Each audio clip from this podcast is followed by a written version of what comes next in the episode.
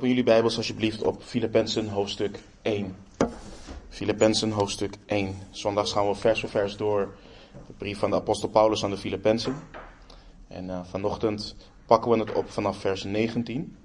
Mocht je geen Bijbel bij je hebben, we hebben leenbijbels beschikbaar. En als je helemaal geen Bijbel hebt, dan uh, mag je die houden als uh, gift van ons en gift van de Heer. Filippenzen hoofdstuk 1 vanaf vers 19. Laten we lezen, vervolgens bidden en dan de de tekst induiken. Paulus schrijft onder leiding van de Heilige Geest. Want ik weet dat dit mij tot zaligheid strekken zal. Door uw gebed en de ondersteuning van de Geest van Jezus Christus. Overeenkomstig mijn rijkhalsend verlangen en hoop dat ik in geen enkel opzicht beschaamd zal worden. Maar dat in alle vrijmoedigheid, zoals altijd, Christus ook nu groot gemaakt zal worden in mijn lichaam. Of het nu door het leven is of door de dood. Want het leven is voor mij Christus en het sterven is voor mij winst. Maar blijf ik leven in het vlees, dan betekent dit voor mij vruchtbaar werk. En wat ik verkiezen zal, weet ik niet. Want ik word door deze twee gedrongen. Ik heb de begeerte om heen te gaan en bij Christus te zijn, want dat is verreweg het beste. Maar in het vlees te blijven is noodzakelijker voor u. En dit vertrouw en weet ik, dat ik zal blijven leven en bij u allen zal blijven tot uw vordering en blijdschap van het geloof opdat uw roemen in Christus Jezus overvloedig is door mij, door mijn hernieuwde aanwezigheid bij u. Laten we bidden. Vader, Heer, we hebben geen hoop, Heer, zonder het werk van uw geest om Heer, te begrijpen wat uw woord, wat u door uw woord heen tot ons wilt spreken, Heer. Laat staan om het toe te passen. Dus Vader, ik bid, Heer, dat u ons verlichte oog van ons verstand geeft. Ik bid dat u tot onze harten spreekt, Heer. En dat u uw waarheid openbaart in ons leven, Heer. Opdat wij kunnen wandelen en leven op een wijze, u waardig, Heer. Dus Heer, eh, we vertrouwen dat u het zal doen, Heer. En u alleen. In Jezus' naam. Amen. We hebben vorige week stilgestaan bij versen 12 uh, tot en met 18. En daar hebben we gezien hoe Paulus leeft ter bevordering van het evangelie. Alles wat in zijn leven plaatsvond, zag hij ter bevordering van het evangelie. En dit, dit was niet zomaar een, een loze bemoediging voor de Filippenzen.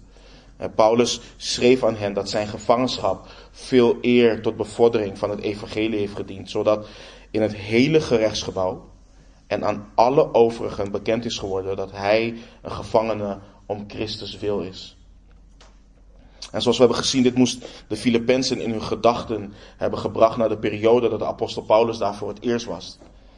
Ook daar heeft zijn lijden en verdrukking gediend ter bevordering van het evangelie. Maar niet alleen in de zaligmaking van verloren zielen door de verkondiging van de apostel Paulus was dit zo. Paulus wees hen ook op het feit dat veel broeders door zijn gevangenschap vertrouwen hebben gekregen om het woord nog overvloediger onbevreesd te durven spreken. En we zien hierin dat de Heere God alles doet en alles kan gebruiken in het leven van zijn kinderen om zichzelf te verheerlijken. Nou, Paulus had het vervolgens over hen die uit verkeerde motieven predikten en over hen die Christus uit liefde predikten met een zuiver hart en een zuiver geweten. Wat ook het geval was, Paulus verblijde zich over het feit dat Christus werd gepredikt. En de tekst wat we zojuist hebben gelezen gaat door op dit thema. We lezen weer vers 19 en 20, want ik weet dat dit mij tot zaligheid strekken zal door uw gebed en de ondersteuning van de geest van Jezus Christus, overeenkomstig mijn rijkhalsend verlangen en hoop dat ik in geen enkel opzicht beschaamd zal worden, maar dat in alle vrijmoedigheid, zoals altijd, Christus ook nu groot gemaakt zal worden in mijn lichaam, of het nu door het leven is of door de dood. Met het oog op de omstandigheden van de apostel Paulus is het opmerkelijk dat zijn aandacht niet primair lag op vrijlating uit de gevangenis, maar juist op het verheerlijken van de Heere Jezus Christus. Het maakte hem als het ware niet uit of hij bleef leven of dat hij stierf. Het enige wat ertoe deed was de verheerlijking van zijn zaligmaker. In vers 19 lezen we dat hij schrijft, want ik weet dat dit mij tot zaligheid strekken zal. Het woord zaligheid is letterlijk verlossing. En sommigen interpreteren dit als een teken dat Paulus hoopte dat hij uit de gevangenis zou worden vrijgelaten. Maar vers 20 sluit deze gedachte uit, omdat Paulus erkent dat hij ook wel terechtgesteld zou kunnen worden, wat dus uiteindelijk zijn dood zou kunnen betekenen. De woorden van apostel Paulus in vers 19 lezen we ook in Job 13, 16. Het is de letterlijke uh, zin die hij gebruikt in het Griekse Oude Testament. Um, Job staat daar, uh, voor de mensen die Job hebben bestudeerd, Job staat daar als het ware terecht voor zijn vrienden die hem duidelijk proberen te maken. Dat alles wat hem overkomt, alles wat er gebeurt, komt door zijn eigen onrechtvaardigheid. Uh, dit, lijkt heel veel op wat we in de charismatische kerken vandaag ook horen. Uh, God zou hem dit niet aandoen als hij een rein geweten had. Dat zeggen zij. En in Job 13, vers 16, we lezen vers 15 erbij, reageert Job als volgt. Zie, als zou hij, dus God, mij doden, zou ik niet hopen. Maar toch zal ik mijn wegen voor zijn aangezicht verdedigen. Ook zal hij mij tot verlossing zijn. Maar een huigelaar zal niet voor zijn aangezicht komen. Dus nogmaals, in de context van wat we lezen, Job staat terecht voor zijn vrienden en hij wil verlost worden van het feit dat hij een huigelaar is. Dat wil zeggen, hij wilde en zou gerechtvaardigd worden door God. Want een huigelaar zal niet voor het aangezicht van God kunnen staan. Job daarentegen weet met een, met een rein geweten dat hij geen huigelaar was. Dus hij weet dat hij onbeschaamd voor God zou staan. En op dezelfde manier zegt Paulus dat het gebed van de Filippenzen en de kracht van Gods geest hem onbeschaamd voor de ultieme rechtbank, dat is voor God, zou stellen. En uiteraard ook voor het feit wanneer hij voor zou komen in zijn eigen rechtszaak. We weten ook, als je kijkt naar handelingen, en we hebben het vorige week ook gelezen, dat iedere keer dat Paulus terecht stond voor Agrippa, voor Festus, voor het Sanhedrin, hij weet dat hij niet beschaamd gemaakt zal worden. De enige reden waarom hij terecht stond, was voor zijn geloof en de prediking van het evangelie, voor niets anders. Hij kon niet beschaamd gemaakt worden, want hij was geen crimineel. Hij was geen leugenaar, hij was geen huigelaar.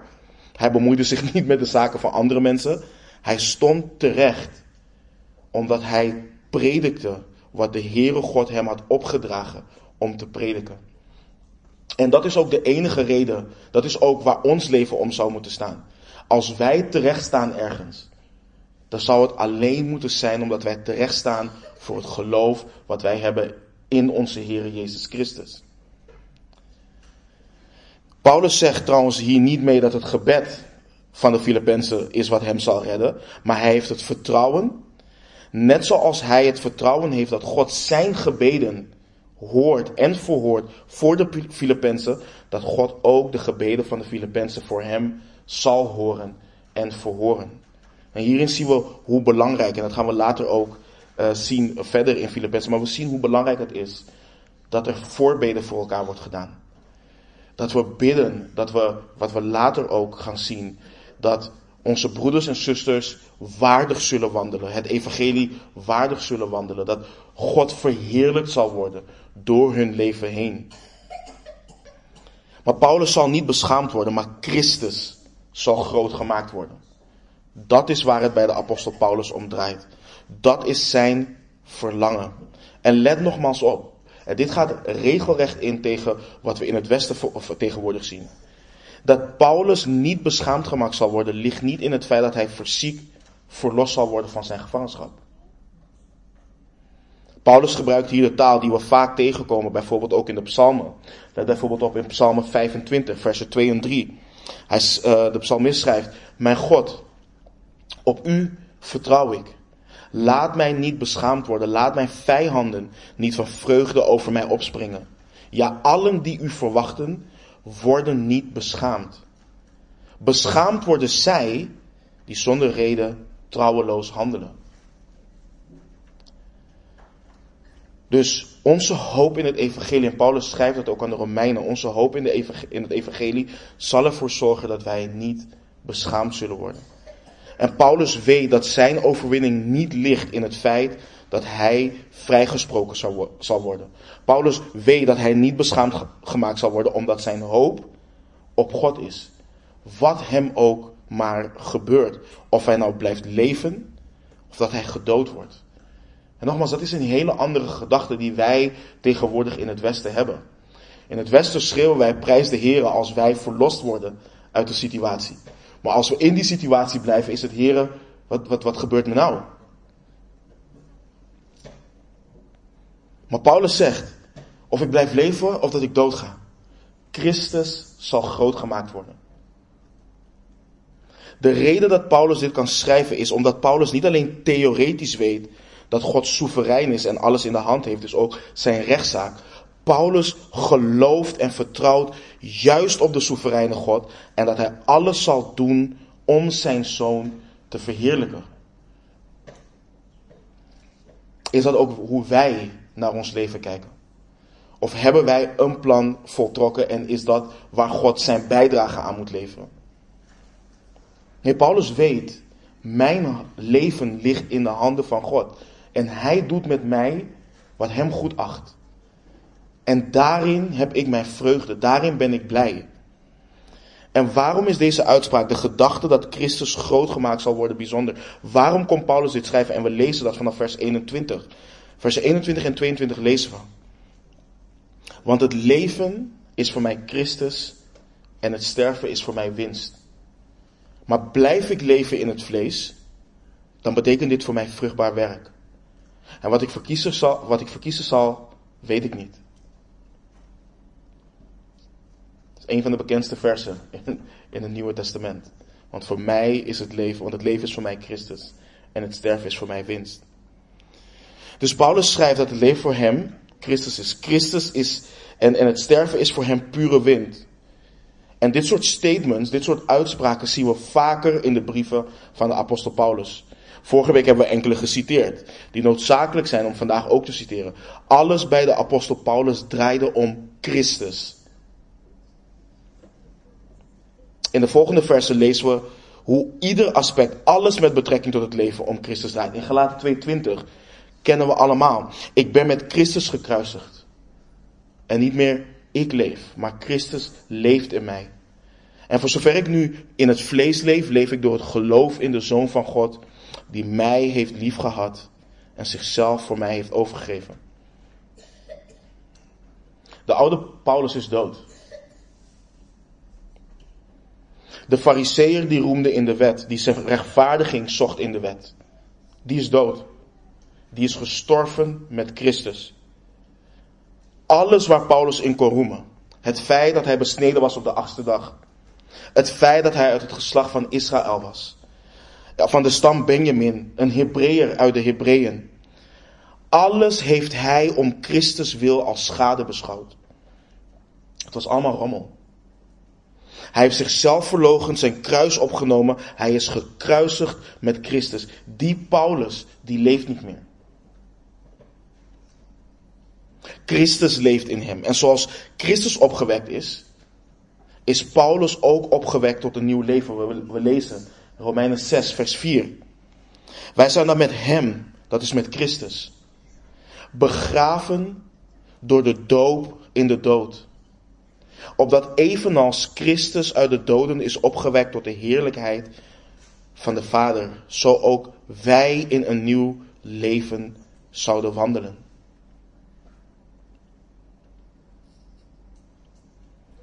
Dit nieuwe leven is niet voor Paulus zelf. Het is niet tot lof en heerlijkheid van hem. Nee, in Romeinen 14, vers 7 en 8 schrijft hij: Niemand van ons leeft immers voor zichzelf.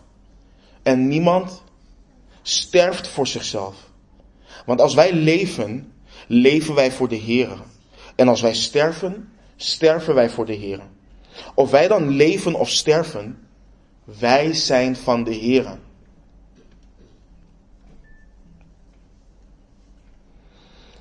In 2 Korinthe 5 vers 15 schreef hij ook.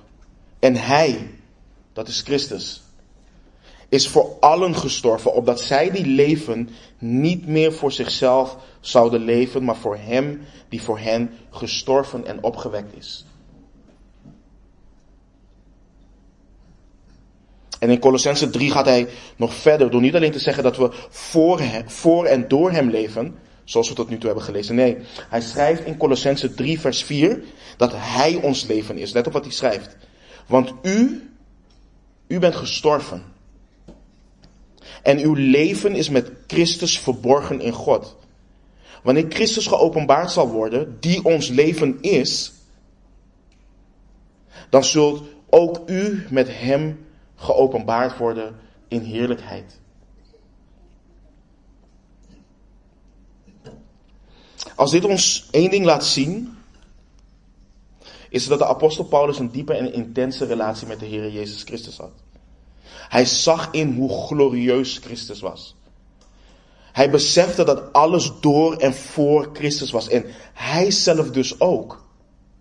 En hoe kan het anders? Alle dingen zijn door hem gemaakt. In hem is het leven. Hij is het licht van de mensen. Hij is de verzoening voor onze zonden. In hem en in hem alleen is hoop op zaligheid. Christus heeft de apostel Paulus uit duisternis getrokken met het verlossende werk aan het kruis. Hij heeft de dood overwonnen opdat Paulus en wij de hoop op het eeuwige leven zouden hebben. Hoe zou iets anders voor Paulus het leven kunnen zijn? Hij is de eeuwige God. Zijn troon bestaat, in alle eeuwigheid. Wie aanbidden alle engelen van God? Hij is het, Jezus Christus. Hij is het die de Vader beloofd had. Hij is de Messias. Hij is de profeet waarvan we lezen in Deuteronomium die komen zal. Hij is het waar iedere Jood naar uitkeek. Hij is het doel van het leven. Dus het leven is Christus, schrijft de apostel Paulus. Het leven is Christus. En hoe uit dat zich? Uit dat zich door op dezelfde manier te blijven leven en Jezus simpelweg toe te voegen aan ons leven? Uit dat zich in een leven wat tot vervulling van zelf is. Uit dat zich in een leven vol met rituelen. Hey, Paulus schrijft, blijf ik leven in het vlees, dan betekent dat voor mij vruchtbaar werk. Vruchtbaar werk voor het koninkrijk van God. Dus bleef de apostel Paulus hier op aarde, dan hield het in dat het zal resulteren in vruchtbaar werk, onder andere onder de Filippenzen. De apostel Paulus schreef uh, aan de Colossense in Colossense 3 vers 1.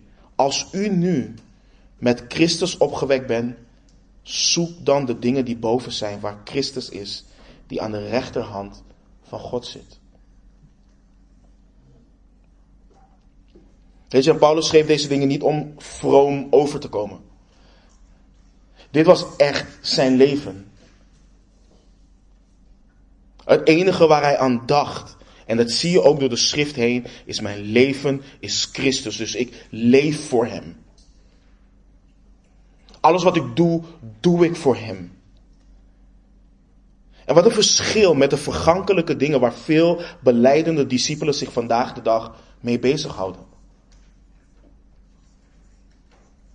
De vergankelijke dingen die bedacht worden. In en door de schrift lees en zie je dat iedere heilige maar één ding wilde en dat is Christus verheerlijken. Zijn naam groot maken.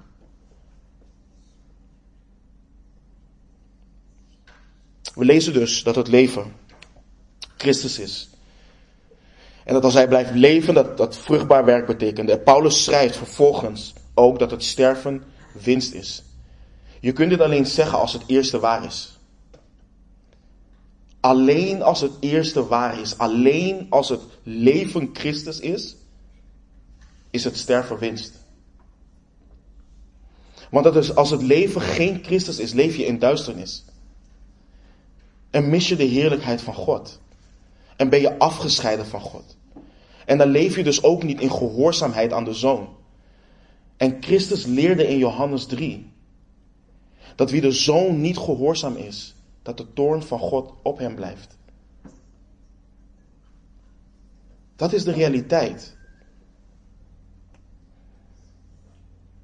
Dus we kunnen alleen zeggen dat sterven pure winst is als ons leven volledig gericht is op Christus.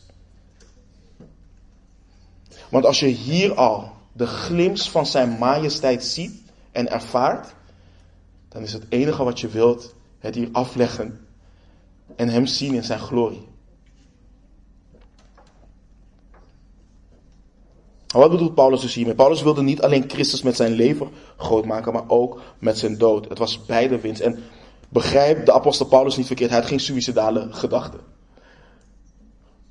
Het was niet alsof hij er alles aan deed om zijn laatste adem uit te kunnen blazen, zodat hij zo snel mogelijk bij de Here was.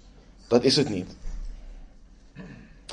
En, en wat belangrijk is, kijk, de tekst van de apostel Paulus tekent een aantal vormen van valse leer die rondgaan wat betreft de dood. Bijvoorbeeld de, de, de zevendaagse adventisten die geloven dat, dat er zielenslaap plaatsvindt wanneer je het leven hier aflegt. De apostel Paulus weer legt dit keihard hier. En niet alleen hier. In 2 Korinthe 5 vers 8 schrijft hij ook, maar wij hebben goede moed en wij hebben er meer behagen in om uit het lichaam uit te wonen en bij de Here in te wonen. Dit is voor ons allen. Van ons die geliefden hebben, die sterven of gestorven zijn in de Here, is dit een bemoediging. Weet je, we rouwen wanneer we onze geliefden verliezen? Absoluut. We hebben verdriet, maar we rouwen niet als hen die geen hoop hebben. Want we weten dat zij onderdeel zullen zijn van de opstanding van de doden. Ze zullen worden opgewekt. De laatste dag tot eeuwig leven, zoals onze Heer Jezus leert in Johannes 6. Dus het leven voor de apostel Paulus is Christus en het sterven is winst. En dat presenteert vervolgens een dilemma. In de versen 23 en 24 lezen we, want ik word door deze twee gedrongen. Ik heb de begeerte om heen te gaan en bij Christus te gaan, want het is verreweg het beste. Maar in het vlees te blijven is noodzakelijk voor u. En dit is waarom het een, een, dilemma was voor de apostel Paulus. Hij wist dat hij het hier, dat als hij het hier zou afleggen, hij bij de Heer Jezus zou zijn. Dat is waar hij naar verlangde. Hij wist dat de uitspraak in zijn rechtszaak ertoe kon leiden dat hij gedood zou worden. En daarin was hij ervan overtuigd dat ook Christus daarin verheerlijk zou worden. En dat het voor hem pure winst zou zijn, want hij zou bij Christus zijn. Maar Paulus wist ook dat hij nog vruchtbaar werk onder de Filippenzen kon verrichten. Hij wist dat hij hen kon bemoedigen, hij wist dat hij hen kon opbouwen en zodanig kon toerusten dat Christus meer en meer gestalte in hen zou krijgen. Hij zegt zelfs dat het noodzakelijk voor hen is dat hij blijft leven in het vlees. Dit, dit, dit gaat zo recht in tegen wat heel veel mensen vandaag de dag zien als de bediening van de kerk. De kerk is er niet om je te vermaken. De kerk is er niet om te spreken wat jij wilt horen. En een voorganger of een opziener is er ook niet om dat te doen. Die is er alleen om Christus te verkondigen, opdat jij mag groeien in de genade en kennis van Christus. Om je aan te sporen om een heilig leven te leiden. Dat is het enige wat de apostel Paulus ook wilde weten. Kijk, als de apostel Paulus geen vruchtbaar werk hier meer had te doen, dan wilde hij geen seconde langer meer hier op aarde zijn. Maar hij wist dat het noodzakelijk was voor de Filippenzen om hier te zijn. Maar dat is het ook voor ons als broeders en zusters. Dat wij elkaar dienen op te bouwen, elkaar dienen te bemoedigen, elkaar dienen aan te sporen, aan te vuren tot goede werken. Aan te sporen om heilig te leven. Opdat we Christus daardoor zouden verheerlijken. Een discipel van de Heer, een broeder of een zuster is er niet om jou te vertellen wat jij wilt horen. Die is er om te vertellen, zo zegt de Heere Heere. En het kan zijn Weet je, dat, de, de apostel Paulus refereert naar de oneenigheid die er is tussen de twee zusters in Filippi. Dat weten we niet zeker, maar hij was ervan overtuigd dat het noodzakelijk was voor de Filippenzen om te blijven leven. En zie je dit dilemma wat Paulus heeft niet als iets klein. En zie de begeerte om bij Christus te zijn als niet iets klein. Paulus had echt last van deze keuze. Hij zit er echt mee. De keuze, de gedachte heeft hem als het ware in een houtgreep. En bedenk even, dit, dit gaat terug naar wat hij eerder schreef. In beide gevallen wordt Christus groot gemaakt. Dit gaat niet om wat hij wilde. Dit gaat niet om wat hij vindt dat het fijnst voelt. Het is niet alsof hij denkt, ik heb genoeg gedaan, ik ben klaar om naar huis te gaan. Nee, wat zal Christus verheerlijken? Wat zal zijn naam groot maken? En dan gaat hij verder. En dit vertrouw ik en weet ik. Dat ik zal blijven leven en bij u allen zal blijven tot uw vordering en blijdschap van het geloof. Opdat uw roemen in Christus Jezus overvloedig is door mij, door mijn hernieuwde aanwezigheid bij u. Deze versen hebben voor veel debatten gezorgd, omdat de vraag wordt gesteld: als Paulus vertrouwt en weet dat hij zal blijven leven, waarom denkt hij dan ook dat het kan resulteren in zijn dood? Paulus weet dat God bepaalt wat er met hem zal gebeuren. Ik geloof dat de apostel Paulus een voorbeeld geeft aan de gemeente. Zijn verlangen is echt om met de Heer te zijn. Dat is wat hij begeert, dat is wat hij wilt. Sterker nog, hij schrijft dat dat verreweg het beste is. De apostel Paulus roept de Filippenzen meerdere malen in de brief op om een voorbeeld aan hem te nemen, aan Timotheus en Epaphroditus te nemen. En ik geloof dat de apostel Paulus hier laat zien dat hij zijn eigen verlangen, zijn eigen begeerte opzij zet en dat zij daar ook een voorbeeld in dienen te nemen. Paulus weet dat hij blijft leven, als hij blijft leven, dat het zal resulteren in de vordering en blijdschap van hun geloof. Paulus zegt niet dat de Filippenzen meer zullen roemen in Christus omdat hij bij hen is. Hij is niet zichzelf aan het verheerlijken. Hij weet dat zij Christus zullen verheerlijken, dat ze zullen roemen in Christus door het werk wat hij in en door de apostel Paulus door hen, bij hen doet. Maar nu is de vraag voor ons allen. We kijken, weten wat de context is. Wat betekent dit nu voor ons als broeders en zusters in de Heer? Hoe slaan wij nu de brug naar vandaag de dag en wat kunnen wij als discipelen van de Heer Jezus toepassen? En de confronterende vraag die we ons als eerste dienen te stellen en die we in alle oprechtheid dienen te vragen en te beantwoorden. Als wij beleiden discipelen van de Heer Jezus te zijn, waar leef ik voor? Waar leef ik voor? Kan ik in alle oprechtheid zeggen, voor mij is het leven Christus wetend in het licht wat, dat, wat de schrift zegt hierover. Kan ik in alle oprechtheid zeggen, en is dat zichtbaar in mijn leven, het is mijn doel in het leven om de naam van Christus Jezus groot te maken. Dat is waar, waaraan ik denk als ik opsta. Dat is waaraan ik denk als ik ga slapen. Dat is hoe ik mijn, mijn dag inricht. Het leven is voor mij Christus. Mijn doel in het leven is om Christus Jezus groot te maken.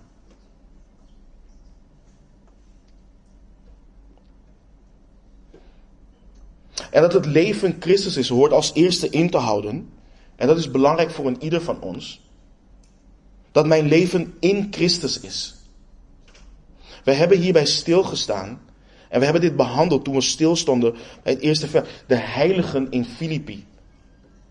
Ben ik in Christus? Ben ik opnieuw geboren? Heeft God mij getrokken uit duisternis? En waaraan toets ik dat?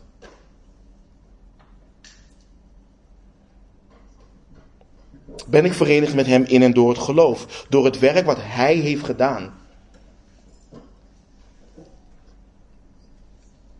Alles wat waar is van en over Christus, hoort ook voor mij te gelden. Let op wat Paulus schrijft in Romeinen 6, vers 10 en 11. Want wat zijn sterven betreft, is hij eens en voor altijd voor de zonde gestorven. En wat zijn leven betreft, leeft hij voor God. Zo dient ook u uzelf te rekenen als dood voor de zonde, maar levend voor God in Christus Jezus, onze Heer.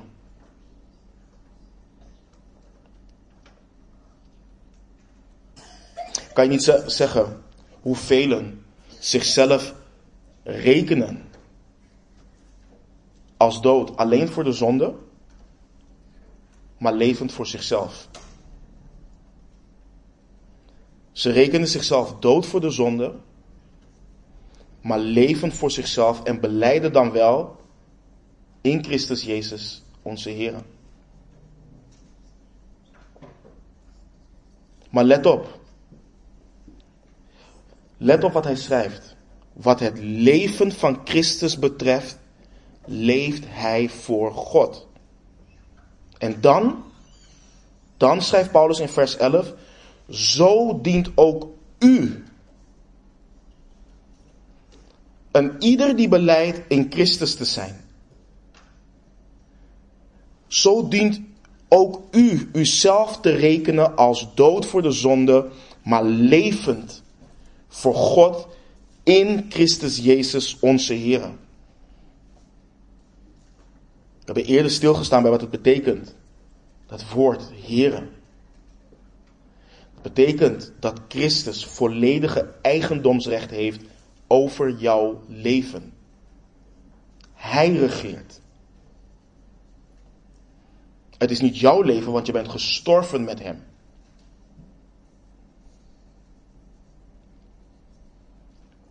Dus in Christus zijn, verenigd zijn met Hem, houdt niet alleen in dat je dood bent voor de zonde. Het is niet alleen een leven waarin je gewoon denkt, ik stop met slechte dingen en ga nu goede dingen doen. Nee, het houdt in dat je leeft voor God in Christus Jezus. Zoals de zoon de vader gehoorzaam was in alles hier op aarde en alles deed om de vader te verheerlijken. Dat is hoe het leven van iedere wedergeboren discipel hoort te zijn. En dat is zo confronterend, want dat betekent dat je dient te sterven aan jezelf. En dat je jezelf dient te verloochenen.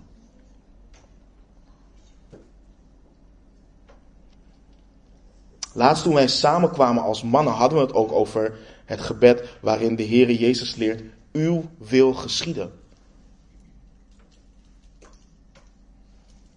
Dat heeft zo'n lading. Want als het is uw wil geschieden, dan betekent dat mijn wil ondergeschikt moet zijn aan zijn wil.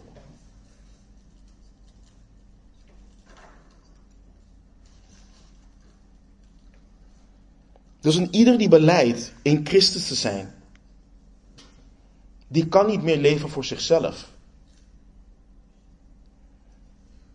Daarom schreef Johannes ook in 1 Johannes 2, vers 6. Wie zegt in hem te blijven, moet ook zelf zo wandelen als hij gewandeld heeft.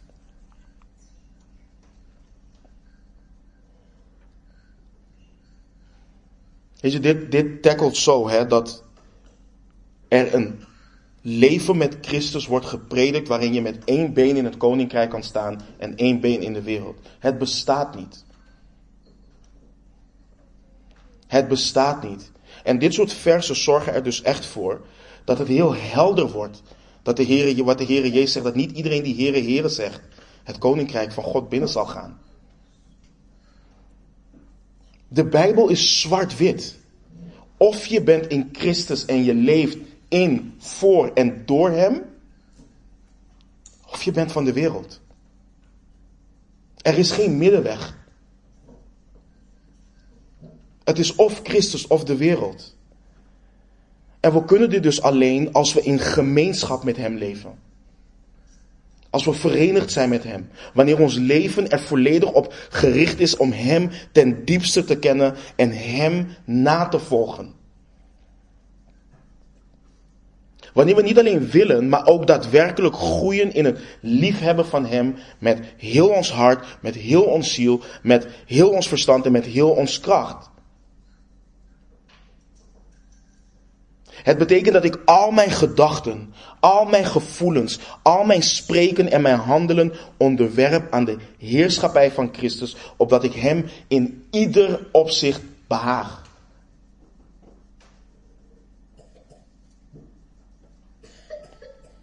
En het behaagt Hem dat we Hem verheerlijken met ons leven. Het behaagt Hem.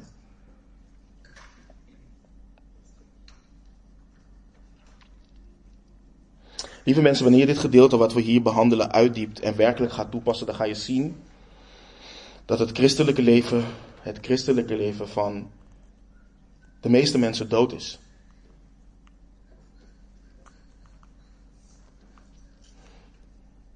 Jullie weten, en ik zeg het vaker, ik sta hier niet om jullie oor te kietelen.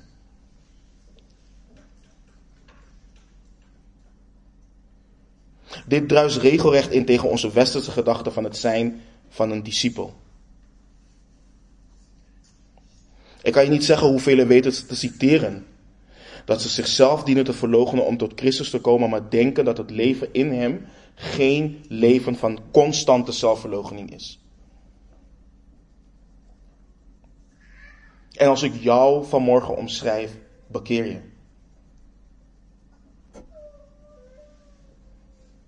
Wanneer het leven Christus is, houdt het in dat al jouw eigen begeerten gekruisigd zijn met Hem. En dan zullen mensen zeggen, maar God wil toch ook dat ik geniet van het leven? Hij wil toch ook dat ik plezier heb? Proef en zie, lieve mensen, dat de Heere goed is. Proef en zie dat de Heere goed is.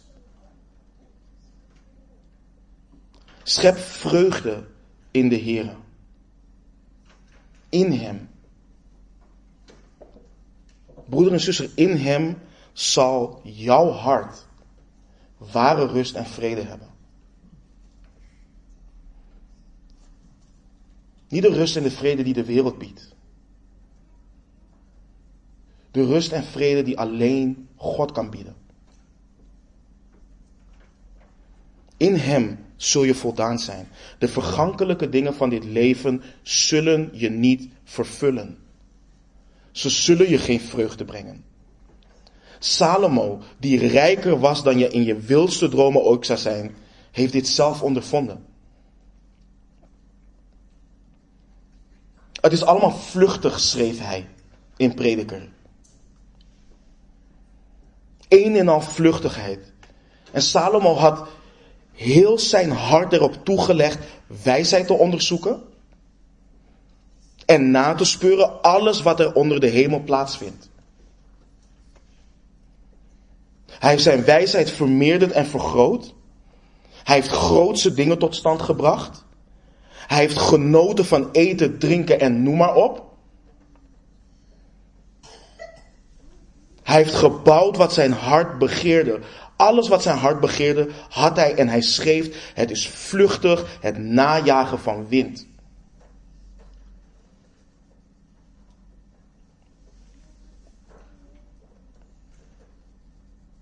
De vraag is, wat, wat jaag jij na?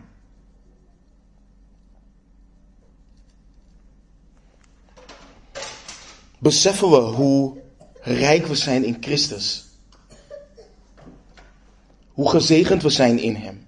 Hoe begenadigd we zijn? Als ons hart gericht is op het aardse en niet op Hem, de onvergankelijke die is gestorven opdat wij zouden leven, dan zullen we nooit met een oprecht hart en rein geweten kunnen zeggen. We zullen nooit naar waarheid kunnen beleiden. Voor mij is het leven Christus. Nooit.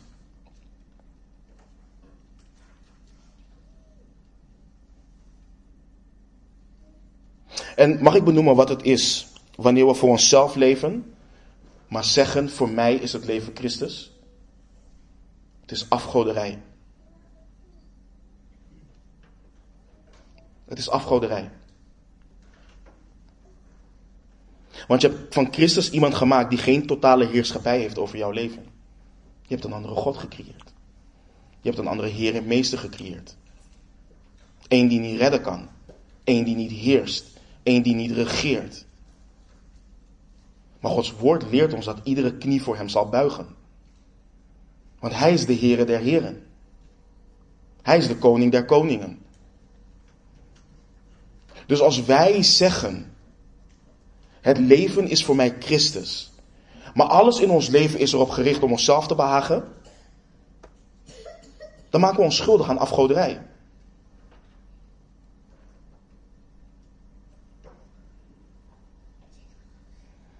Dat het leven Christus is, houdt in dat we intieme gemeenschap met Hem hebben. Opdat Hij in en door ons leven, onder welke omstandigheden we ons ook bevinden, groot gemaakt wordt. En wat dienen we hierin dus te doen? Precies wat Christus zei, onszelf te verloochenen. We dienen ons kruis op te nemen. En dit dagelijks en vervolgens gehoor te geven aan wat we lezen in Hebreeën 12 vers 2. Onze ogen gericht houden op Jezus, de leidsman en voleinder van ons geloof.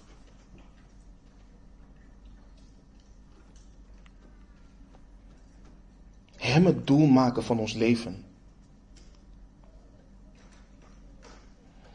En we dienen ons vandaag.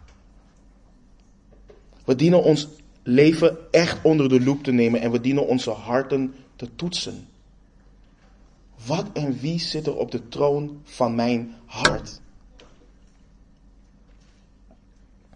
Waar gaat mijn tijd naartoe?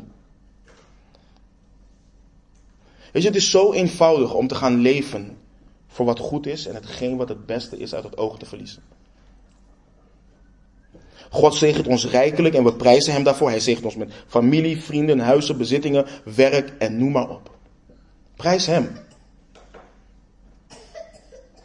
Maar als we niet oppassen en we vergeten dat de zuurstof die we in ons longen hebben, tot eer en glorie van Christus dient te zijn, worden deze goede dingen de dingen waarvoor we gaan leven.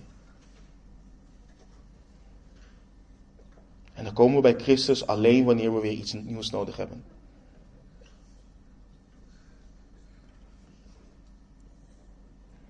Broeders en zusters, het leven zal nooit, maar dan ook nooit Christus zijn als Hij slechts een toevoeging is. Christus is niet gestorven voor jou en opgestaan uit de dood. En jou getrokken uit de duisternis om jou te helpen. Om jouw leven ietsjes beter te maken. Nee, hij heeft je getrokken uit duisternis opdat je zou leven tot eer en glorie van God.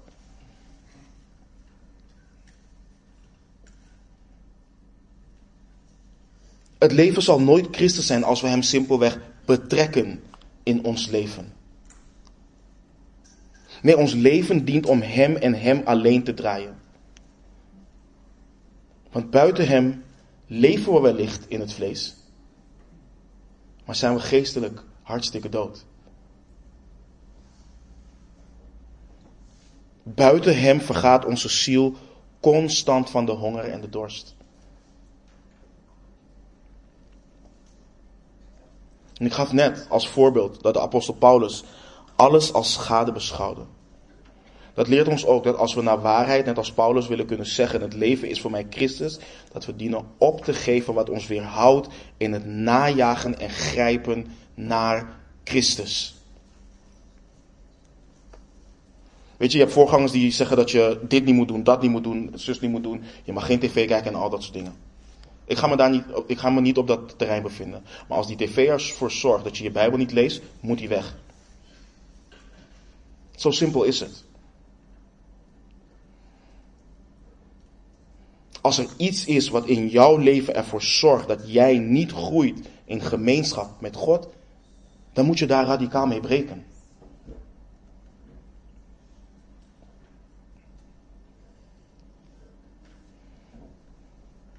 Let op wat Paulus schreef. In Filippenzen 3 vers 8. Ja, beslist. Ik beschouw ook alles als schade vanwege de voortreffelijkheid. De voortreffelijkheid van de, van de kennis van Christus Jezus, mijn Heere, om wie ik dit, dat alles als schade ervaren heb. En ik beschouw het als vuiligheid. Opdat ik Christus mag winnen.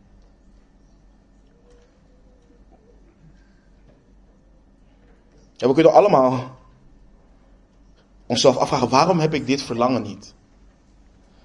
De apostel Paulus is zo'n bijzonder mens, et cetera. Maar het is allemaal een valse vorm van nederigheid.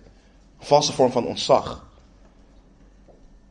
Ik denk aan wanneer Paulus de heiligen in Rome oproept om hun lichamen aan God te wijden als een levend offer. Heilig en voor God welbehagelijk. Maar Paulus roept dat niet op uit het niets. Hij doet dit door de ontfermingen van God. Dat lezen we in Romeinen 12. Maar dat doet hij nadat hij in hoofdstuk 1 tot en met 11 uiteen heeft gezet hoe groot, hoe diep, hoe immens de genade van Christus is. Pas daarna roept hij op om dit te doen. En waarom zeg ik dit? Ik zei vorige week al dat we het ons levenswerk dienen te maken om het evangelie van onze Heer Jezus Christus te bestuderen. En ik heb het niet over theoretische zaken, ik heb het over de kern van het evangelie. En dat is Hij zelf. Over onze Heer Jezus Christus. Het is pas als we gaan zien hoe prachtig, hoe glorieus de majesteit van Christus is, we al het andere als schade zullen gaan beschouwen. Het is pas als we gaan zien hoe voortreffelijk Hij is. En waartoe ik aanspoor is naar het vlees onmogelijk. En geen enkele prediker, geen enkele broeder of zuster kan je aansporen en manipuleren tot zeggen en, en, en werkelijk leven, het leven is voor mij Christus. De kern daarvan is Christus zelf. Hij dient geopenbaard te worden aan jou. Denk aan de Samaritaanse vrouw. Die vrouw is daar om water te putten. Ze is in gesprek met de Heer. En wat doet ze wanneer haar geopenbaard wordt dat Hij de Christus is? Dat de Christus voor haar staat. Ze laat haar waterkruik achter en rent de stad in om te vertellen, de Messias is hier. Het water kan haar gestolen worden. Denk aan Andreas die een dag met de Heere Jezus bleef en vervolgens Petrus haalde om te zeggen, wij hebben de Messias gevonden. Denk aan Filippus die Christus begon te volgen en Nathanael vond en zei, we hebben hem gevonden over wie Mozes in de wet geschreven heeft en ook de profeten, namelijk Jezus, de zoon van Jozef uit Nazareth.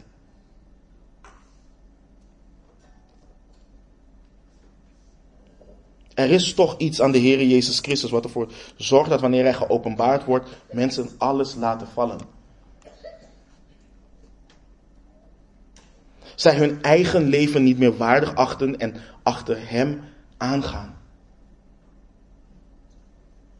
Er is iets aan Hem wat ervoor zorgt dat mensen niet meer voor zichzelf leven, maar voor Hem. En dat is omdat Hij bekroond is met majesteit.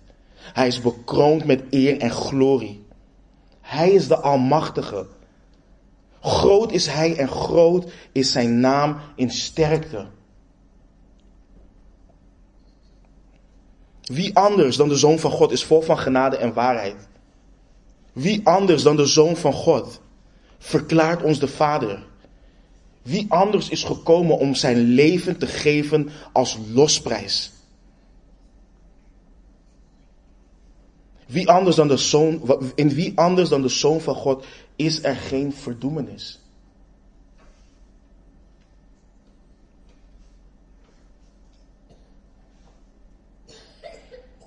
Weet je, deze tekst wordt vaak door mensen gebruikt om vervolgens een stappenplan uiteen te zetten en te zeggen: Oké, als je dit doet, dan is het leven Christus.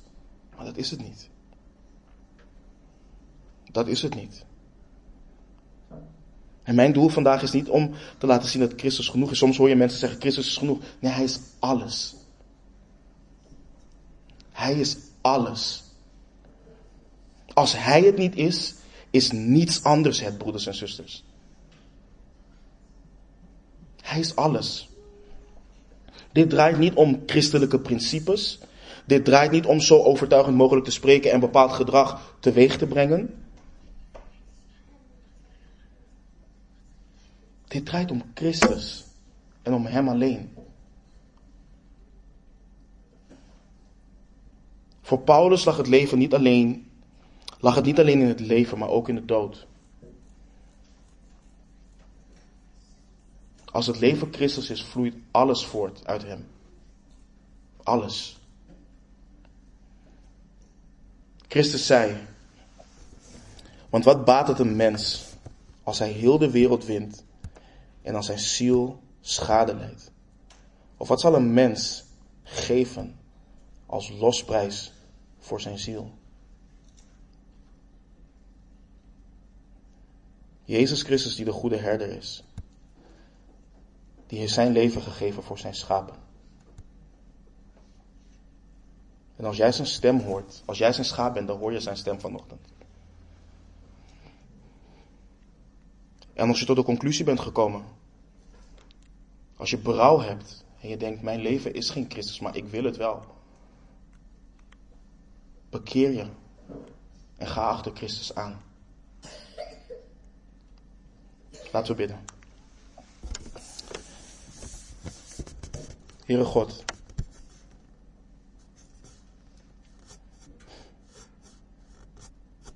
Het eerste gebod is dat wij geen andere goden voor uw aangezicht zullen hebben.